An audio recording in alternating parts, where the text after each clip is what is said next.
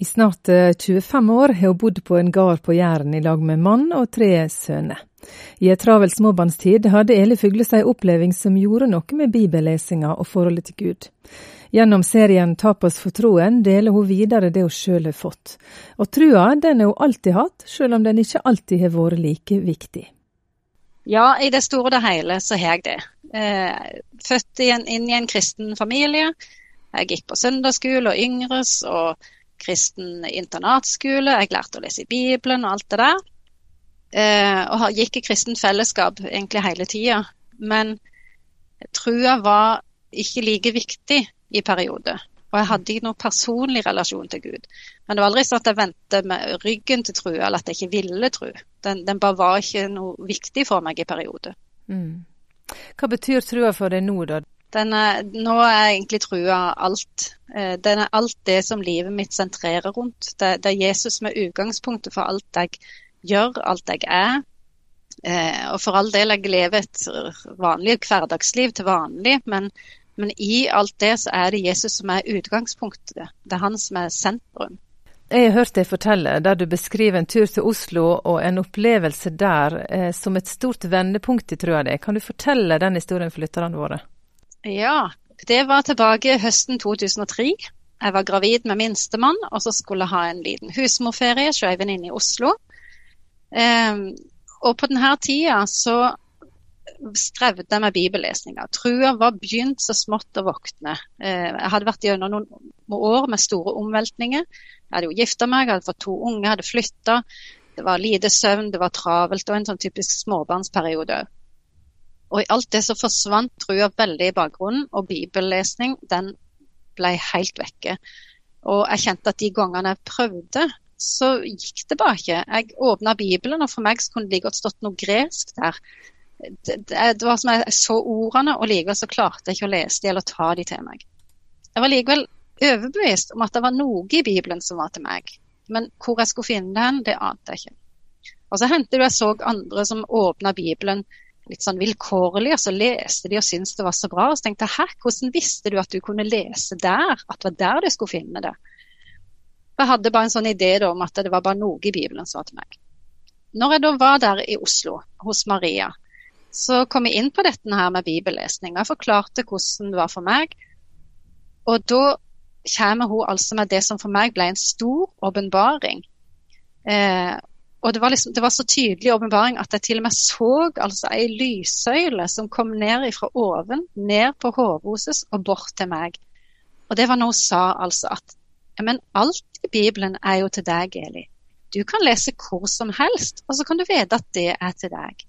Det er ikke sikkert du forstår alt, og det er ikke sikkert det gir deg noe der og da, men da vet du at da kan du lagre det til en annen gang. Men du kan uansett lese det og vite at det er til deg. Og for meg var det en så stor åpenbaring at det var som boka plutselig ble åpna rett og slett for meg. Og så var det jo ikke gjort i en fei da, eh, å, å, lese Bibelen og bli kjent i den, eh, men det var der det snudde. Og etterpå da så begynte jo den lange prosessen. Eh, først med at jeg ble veldig begeistra, og så skulle jeg lære å implementere dette her i hverdagen. Det å for det første begynne å lese i Bibelen, Eh, det andre var jo å lære å lese hver dag. Det skjønte jeg etter en lang stund at det, var, det var, gjorde godt for meg. Og etter en enda lengre stund så lærte jeg at det var godt for meg å lese hver morgen. Mm. Eh, men i alt det der så klarte jeg kun ett vers til dagen. Eh, jeg syns fremdeles det var vanskelig det å bare liksom bla opp en plass og liksom på en måte skal jeg si, ta ansvar for hvor jeg skulle lese. Så jeg begynte å abonnere på bibelvers på mobilen min. Sånn at hver morgen så tikka det inn et bibelvers. Og så valgte jeg å slå det opp fysisk i Bibelen. Eh, og da var det jo vers fra Nytestamentet, Gamle testamentet, evangeliene, brevene, eh, profetene, alt mulig. Så jeg ble vant med å bla fram og tilbake. Og ble på den måten kjent i den store boka som Bibelen er. Og så oppdaga jeg jo skatt på skatt på skatt. Mm. Men i all denne tida her, et par år, så var det kun ett vers til dagen som gjaldt. Mer enn det klarte jeg ikke. Mm. Vi har besøk av Eli Fuglestad i dag, og du har snakket Eli om det med når du på en måte oppdaga Bibelen som ei skattkiste, beskrev du det som, og at du tok til deg ett vers hver dag. Det var det du klarte. Hvorfor er det viktig å fylle seg med Guds ord? Hvorfor er det viktig å ta til seg av det hver dag? Det er, for å si det enkelt, det er fordi det er levende ord. Eh, vi kan lese bøker, aviser, blader, alt mulig. Og det kan stå mye klokt og bra der, men det er på en måte døde ord likevel. Det er dødt innhold. Mens Bibelen er levende, det er virkekraftig. Det er mat som ånda vår trenger for oss å vokse, for at trua vår skal styrkes, for at vi skal bli kjent med Gud og Jesus og se frelsen og alt det der. Men det er altså levende ord som skaper noe i den som leser dem. Du har jobba en del med Bibelen, og det skal vi òg litt tilbake til litt etterpå her. Men du har også opplevd helbredelse to ganger. Det har jeg lyst til du skal fortelle litt om. Har det med helbredelse gjort noe med forholdet ditt til Gud? Ja, det har det selvfølgelig. Eh, men jeg vil jo si at eh, periodene med sykdom eh, og det å ikke få helbredelse har preget forholdet like mye. Den første gangen jeg opplevde helbredelse, det var når jeg hadde bekkenløsning. Og dette var jo i begynnelsen av denne tida når jeg eh, lærte å lese i Bibelen. Eh, så jeg kjente ikke Gud så veldig godt. Men det som skjedde, var, fall, var at jeg ca. et års tid etter at eh, bekkenløsninga liksom slo til for fullt, da, var det jo store plager, så opplevde jeg det som Bibelen forteller om som den ondes brennende pile. For plutselig så slo det ned i meg så anklagende at liksom Du har jo ikke bedt om helbredelse.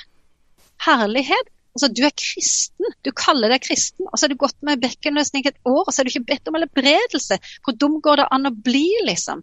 Du, du kunne hatt fri plagen din for lenge siden, og så går du her og sliter. Du må jo bare be om helbredelse, så blir du fri. Og hva, det var så vondt. Eh, og så var det jo sant òg. Du har faktisk ikke bedt om helbredelse. Og jeg ble kjempefortvilt. Og så ble det så jo neste spørsmål OK, men hvis jeg skal be om helbredelse nå, hvordan gjør jeg det på en måte? Og, og hvem må til? Og så og jeg kjente jo ikke Gud noe godt på den tida. Ikke hadde lest så mye i Bibelen heller, annet enn at da skulle du be de eldste i menigheten komme til deg. Eh, og skulle de salve deg og be for deg og sånn. Men jeg var jo fersk her borte på Jæren, og ikke hadde vi, vi hadde ikke mobiltelefon eller smartmobiltelefon med Google og sånn og kunne bare søke opp hvem det var. Så jeg ante jo ikke hvem de eldste i menigheten var en gang. Jeg visste ikke hvordan jeg skulle gå fram, og alt bare vokste til et stort fjell. Og så tenkte jeg, og til slutt så orka jeg ikke mer. Jeg bare, bare kasta det på Jesus og sa Jesus, du må ta det her. Jeg orker det ikke. Og du vet at jeg egentlig vil bli helbreda, men jeg vet ikke hvordan jeg skal gjøre det. Og det her klarer jeg ikke. Ta det du. Og da fikk jeg fred. Eh, dette gjentok seg et par helger til. Og hver gang så var det like vanskelig. Eh, og jeg fikk ikke fred før jeg kasta det på Jesus. Men så var det en gang i høsten 2005 var på gudstjenesten. Så kjente jeg plutselig at i dag skal jeg gå fram til forbønn. Og da var det veldig lett for meg å gjøre det. Og jeg gikk fram, eh, pastoren, vi snakket litt om det med helbredelse, og han ba helt enkelt for meg, og så reiste jeg hjem. Og ingenting skjedde. De neste dagene ble jeg bare desto verre. Dette var i tillegg en bekkenløsning som hadde blitt gradvis verre de siste månedene. Så han ble liksom ikke bedre og bedre, han ble bare verre og verre. Og jeg var kommet til et punkt der jeg tenkte hvor skal dette her ende? Og Så kommer da fredagen, og så går jeg her hjemme og mopper gulvet. Helt hverdagslig. Var ikke noe bra for bekkenløsninger i det hele tatt med mopping av gulv, men jeg måtte jo gjøre det. Og så gikk jeg og tenkte på noe som jeg hadde lest i en bok dagen før, om noen som takka i en spesiell situasjon. Og mens jeg går og tenker på dette her, så er det plutselig en stemme i hodet mitt som sier når de kunne takke for det, så kan du takke for bekkenløsninger. Og vet du, altså Jeg stoppet jo på gulvet. Altså, det var det siste jeg kunne gjort på den tidspunktet så kunne jeg faktisk klare å takke for ting på en måte rundt bekkenløsninga. Det at jeg hadde hatt tid til å lære å lese Bibelen og sånn. Jeg måtte sitte ned så mye og andre ting. Men å takke for selve bekkenløsninga, det var det siste jeg kunne. Og så likevel var det det jeg skjønte at Jesus ba meg om. Og så er det det at når Helligånden kommer sånn og overbeviser, så gjør han det på en måte så du klarer å si ja til det. Så jeg gjorde det, jeg takka for bekkenløsninga. Men jeg kan love deg, det var ingen følelse, det var ren viljeshandling. En lydighetshandling. Og jeg sa ganske enkelt OK, siden du sier det, takk for bekkenløsninga. Og så måtte jeg videre og tenkte på mitt og sånn. Og så gikk det et par timer, og så stoppet jeg på gulvet igjen og tenkte hm, det er et eller annet som er annerledes. Hva er det for noe, liksom? Og jeg kjente etter og vrei liksom på hjernen, men jeg, nei, fant ikke ut av det. Så jeg fortsatte med mitt et par timer til, og så stoppet jeg igjen og tenkte nei, det er noe som er annerledes her. Hva er det for noe, liksom? Og så gikk det plutselig opp på meg at hæ, veggene er jo fast. Altså, jeg, hadde, jeg gikk ifra det å føle at kroppen var delt i to og ikke henger sammen, til plutselig å være fast. Og så prøvde jeg å stå litt på et bein, jeg prøvde å hinke, og så var sånne ting som jeg ikke hadde kunnet gjort på de her årene. Og så var det alt i orden. Da var jeg blitt helbreda. Det kan sitte noen nå som opplever at ja, Gud hører ikke, jeg er bedt om helbredelse, Gud hører ikke. Hva kan de tenke? Hva kan vi tenke om det? Ja, det, det er vonde tanker, tenker jeg. For at eh, alle vil jo bli helbreda. Det, det, er vel ingen som har lyst til å leve med sykdom og være begrensa. Jeg har lært at Gud opererer alltid med plan A. Det er ikke sånn at helbredelsen er plan A, og så må du ta til takke med plan B eller C eller D.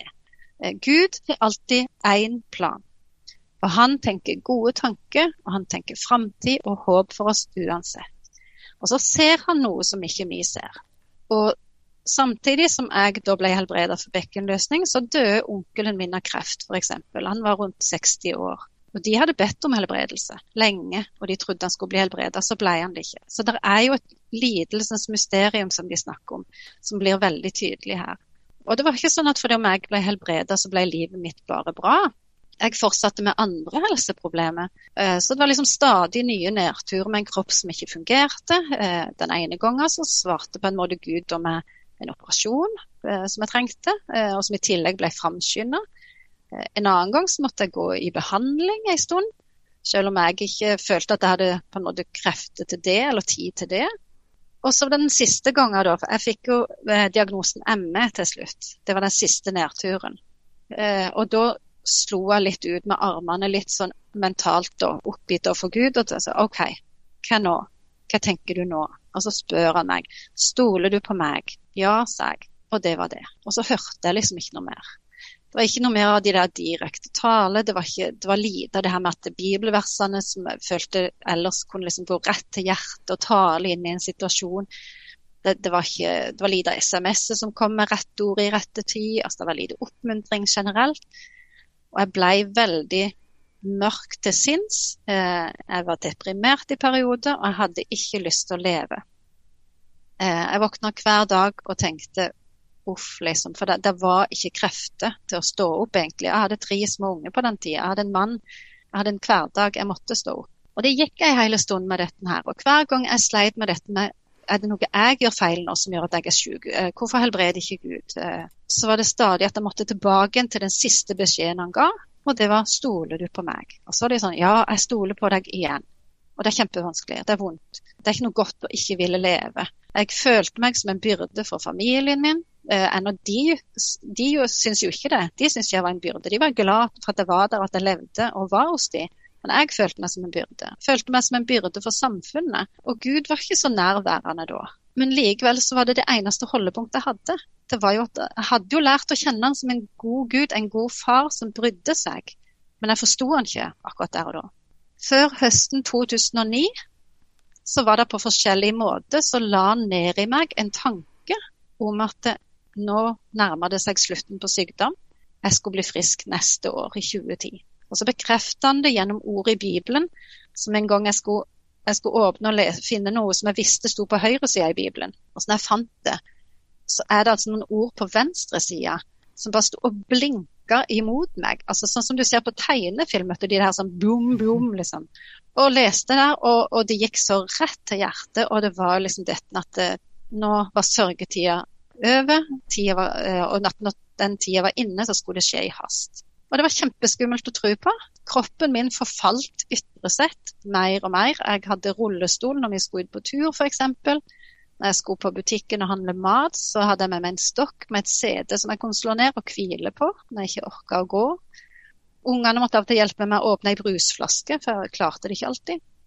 Så det var jo en veldig tung hverdag. Samtidig så hadde jeg funnet ut at jeg mangla mye vitamin og mineraler, så jeg gikk gjennom et opplegg med, med, tilsyn eh, der jeg fokuserte på det som kroppen min trengte.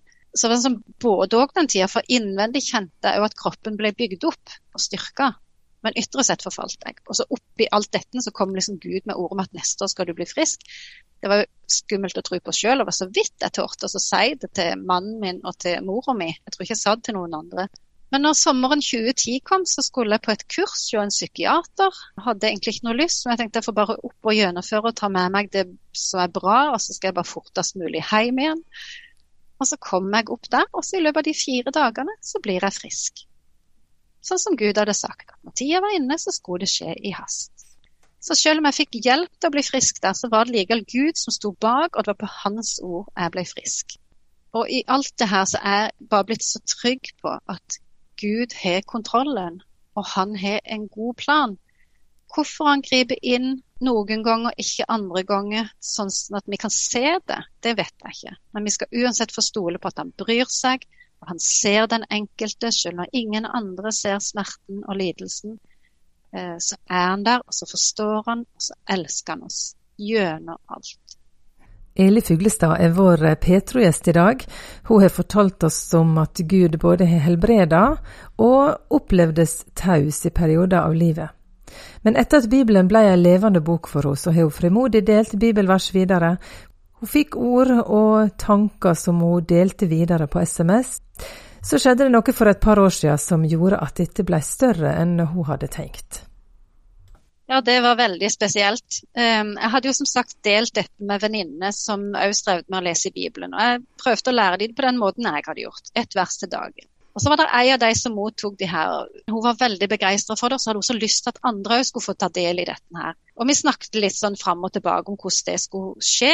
Eh, jeg foreslo ei andagsbok, og hun bare nei, nei, nei, det skal ikke være bok, det må være på mobilen. Det er jo hele poenget men hver gang så endte det opp med at vi hadde jo ikke teknisk eh, kunnskap, vi hadde ikke økonomiske ressurser, vi hadde ikke folk, vi hadde ikke kontakter, vi visste jo ikke hvordan vi skulle gå fram, så vi måtte bare legge ballen død og si OK, det får Gud ta seg av hvis det skal bli noe. Så begynte jeg å oversette bønnekalenderen for Håpets kvinne i Norea. Og en gang som jeg skulle bort og besøke Elisabeth Lillebøseth, som da er nasjonal koordinator i Håpets kvinne, så sier hun her venninna til meg at nå lover du meg at du nevner de her andaktene for Elisabeth. Og jeg forsto faktisk ikke poenget med det, eh, men jeg lovte henne det, for hun var, så, hun var litt streng med meg. Og så var ikke så veldig frimodig heller, så var det litt sånn i en bisetning nærmest at jeg nevnte det for Elisabeth. Og så ble det da et veldig spesielt øyeblikk. For når Elisabeth da først så de her andaktene, så viste det seg jo da at dette er altså noe som hun har drømt om i mange år og bedt om lenge, for hun ønska så å dele dette med norske kvinner til oppmuntring.